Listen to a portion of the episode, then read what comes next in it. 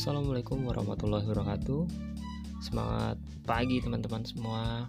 Alhamdulillahirrahmanirrahim Kembali lagi di podcast Ningrum Learning Forum bersama Yuda Adiaksa At Yudadi 28 Hari ini Atau di podcast kali ini Saya bakal sharing Bakal ngebongkar tentang Dewan Kerja Utamanya Dewan Kerja dari 10 tahun terakhir.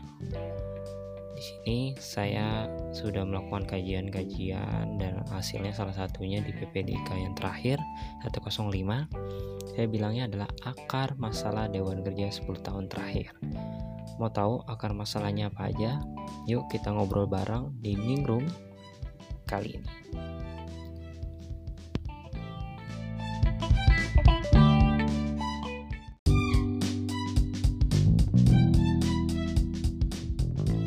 Assalamualaikum warahmatullahi wabarakatuh.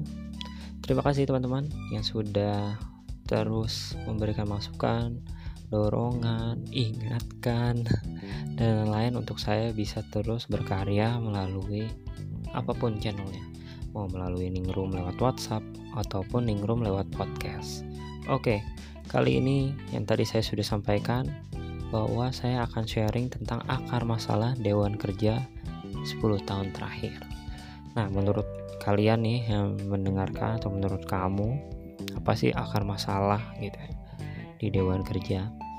Uh, pasti kalau saya bicara tentang Dewan Kerja, pasti teman-teman uh, apa ya ada yang curhat tentang kuartirnya, ada yang curhat tentang internalnya, ada yang curhat tentang anggaran dan lain-lain.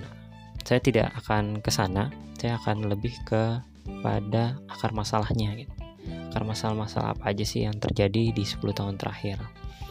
Oke, tanpa berpanjang-panjang lagi, saya bakal share yang pertama. Uh, Oke, saya ada tiga hal yang menjadi akar masalah, ya kan? Tapi ya, dari tiga hal ini apa, uh, akan ada anak-anaknya lagi. Yang pertama, akar masalahnya adalah di lemahnya kajian dan litef. Itu pertama. Kemudian kedua adalah proses pemilihan atau proses baik sitpar maupun muspanitra. Kemudian yang terakhir adalah masa bakti.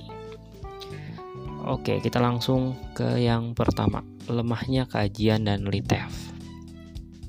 Saya ibaratkan atau saya sering sharing atau yang udah pernah ketemu saya, pasti saya selalu mengibaratkan ibaratnya sebuah film kartun. Kalian pasti tahu Naruto kan ya? Iya, pasti tahu. Naruto uh, dia awalnya tidak tahu bahwa ada kekuatan yang besar di dalamnya, yaitu salah satunya yang disegel di perutnya, yaitu rubah ekor 9 gitu ya. Nah, di situ disegel supaya tidak mengeluarkan tenaga yang terlalu berlebih atau yang lain dan akhirnya Naruto punya kemampuan uh, Rasengan gitu ya Kage Bunshiro Jutsu dan lain-lain. Nah, dalam poin yang pertama, lemahnya kajian dan litef itu sama halnya dengan dewan kerja. Nah, yang pertama, kita tidak akan bisa mengeluarkan cakra atau mengeluarkan nine tail base itu, nine tail beast atau tidak mengeluarkan rasendan kalau kita tidak tahu bagaimana cara mengeluarkannya. Oleh karena itu, anak pertama dari lemahnya kajian dan litef adalah pemahaman aturan yang lemah saya selalu diingatkan pada periode lalu oleh Kak Warnas bahwa sebuah organisasi itu akan keren, akan bagus ada dua hal, sumber daya manusia dan aturannya. Sumber daya manusia bagus tapi aturannya tidak bagus akan tidak berkembang. Kemudian aturannya bagus tapi sumber dayanya manusianya kurang itu tidak jalan.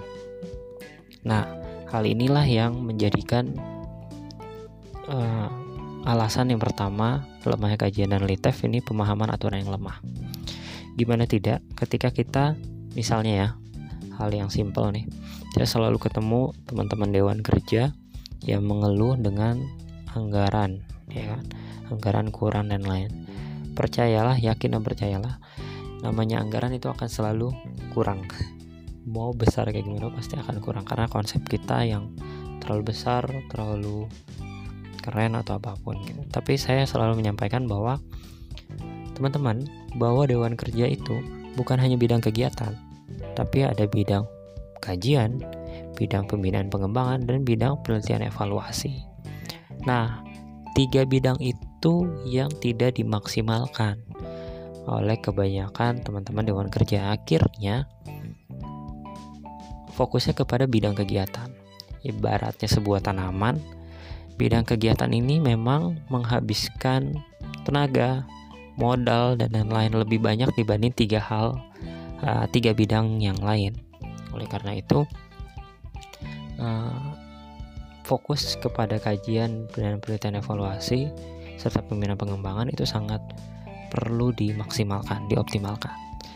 Nah, di poin pemahaman aturan lemah ini akhirnya ketika kita tidak memahami aturan, akhirnya kita terkurung dengan katanya. Contohnya katanya kak ini atau kakak katanya kak itu, nah, akhirnya terjebak di situ yang sebenarnya di aturan sudah jelas. Dan kerennya, bukan kerennya ya.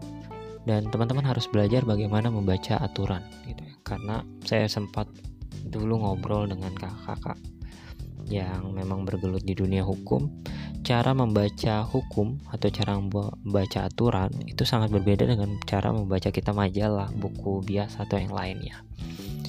Nah, di situ anak yang pertama dari lemahnya kajian dan penelitian evaluasi. Jadi kita harus paham dulu aturan, baik dari sisi undang-undang, dari ADRT dan lain-lain, sehingga kita tahu mana yang hak, mana yang kewajiban dan saya sempat ya kasuistik ya teman-teman. Ketika misalnya Dewan Kerja mengajukan permintaan anggaran gitu. Kalau perspektifnya adalah kita minta kita akan uh, apa ya ya minta-minta gitu ya. Tapi kalau perspektifnya adalah itu hak untuk pembinaan anggota muda dalam hal ini penegak pandega itu kita akan berbeda perjuangannya karena hak. Apakah sebelum mengambil hak teman-teman sudah mengeluarkan apa sudah melaksanakan kewajibannya? Misalnya membuat proposal membuat presentasi dan lainnya. Itu menjadi apa ya sebuah step by step Oke, itu pemahaman aturan lemah. Kemudian selanjutnya adalah dari lemahnya kajian dan litef akhirnya berpengaruh kepada kualitas sidang paripurna dan muspanitra yang sangat lemah. Saya selalu menyampaikan begini. Jadi ada substansi, ada esensi. Nah, kita sampai ke titik substansi aja perlu usaha gitu. Apalagi sampai tingkat esensi. Malah terkesan beberapa sitpar atau muspanitra yang saya datang yang alhamdulillah saya diberikan kesempatan ke daerah-daerah sangat lemah dari sisi substansi maupun esensi. Jadi lebih banyak dinamika. Nah, hal ini kenapa terjadi karena kembali lagi lemahnya kajian dan penelitian evaluasi. Karena gini, teman-teman, dalam sitpar maupun muspan, teman-teman harus kuat namanya kajian, harus kuat namanya penelitian evaluasi serta pembinaan pengembangan. Karena tiga bidang itu gitu. Jadi sitpar, sitpar kan simpelnya adalah bagaimana teman-teman sebagai Dewan Kerja Penyelenggara melaporkan apa yang teman-teman sudah lakukan, ingin lakukan, sedang lakukan, dan akan lakukan. Kemudian teman-teman Dewan Kerja yang lainnya atau Dewan Kerja di bawah kamu atau di bawah apa ya oke di bawah koordinasi itu akan melaporkan juga kondisinya bagaimana. Kemudian dari sisi muspan, muspan juga seperti itu. Muspan kita harus melahirkan namanya renstra dan range uh, Rensas dan Renstra. Kemudian ada turunannya Renja. Nah kekuatan-kekuatan itu teman-teman bakal lebih eksplor di dalam bidang kajian dan penelitian evaluasi.